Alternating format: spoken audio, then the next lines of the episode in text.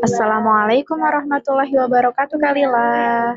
Apa kabarnya Kalila? Semoga sehat selalu ya.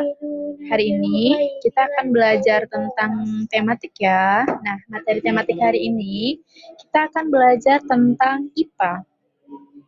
IPA-nya itu materinya adalah tentang gaya. Nah, sebelumnya Winda akan menjelaskan materi tentang gaya. Gaya adalah suatu tarikan atau dorongan yang dilakukan suatu benda terhadap benda lain.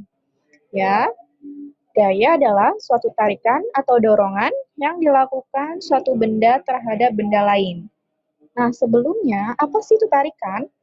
Tarikan adalah gaya yang dihasilkan dari gerakan tarik-menarik sehingga benda yang mengalami tarikan akan mendekat ya. Jadi kalau tarikan itu ketika benda ditarik, maka bendanya akan mendekat ke arah kita.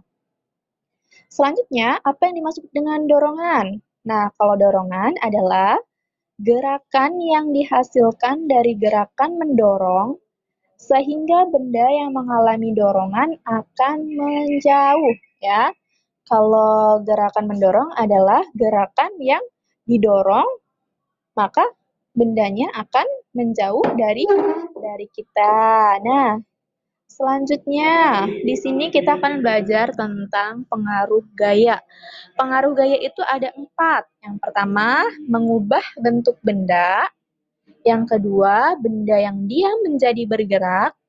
Yang ketiga, benda yang bergerak menjadi diam.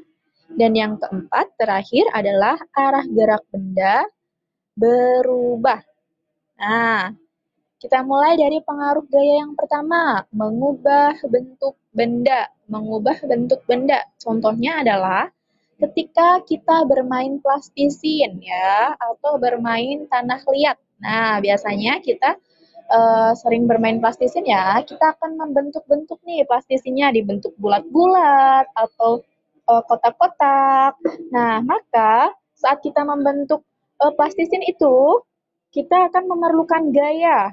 Dan dari gaya itu akan mengubah bentuk benda. Itu yang pertama. Kemudian yang kedua itu ada benda yang dia menjadi bergerak. Ya, benda yang dia menjadi bergerak.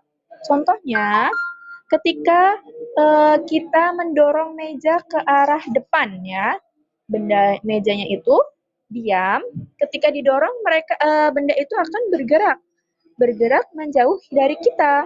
Maka itu yang disebut dengan dorongan, ya. Kemudian yang ketiga, benda yang bergerak menjadi diam, ya, benda yang bergerak menjadi diam. Contohnya adalah ketika Kalila menaiki sepeda.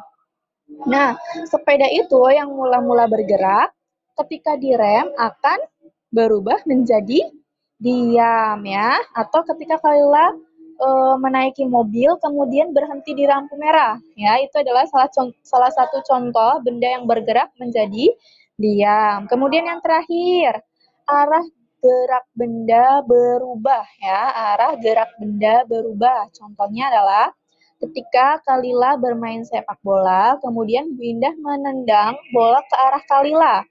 Kemudian Kalila e, menendang lagi bolanya ke arah Bu Indah. Nah, maka itu yang disebut contoh arah gerak benda berubah ya. Nah, untuk materi IPA hari ini, Windah cukupkan dulu ya. Semoga bermanfaat. Terima kasih. Wassalamualaikum warahmatullahi wabarakatuh.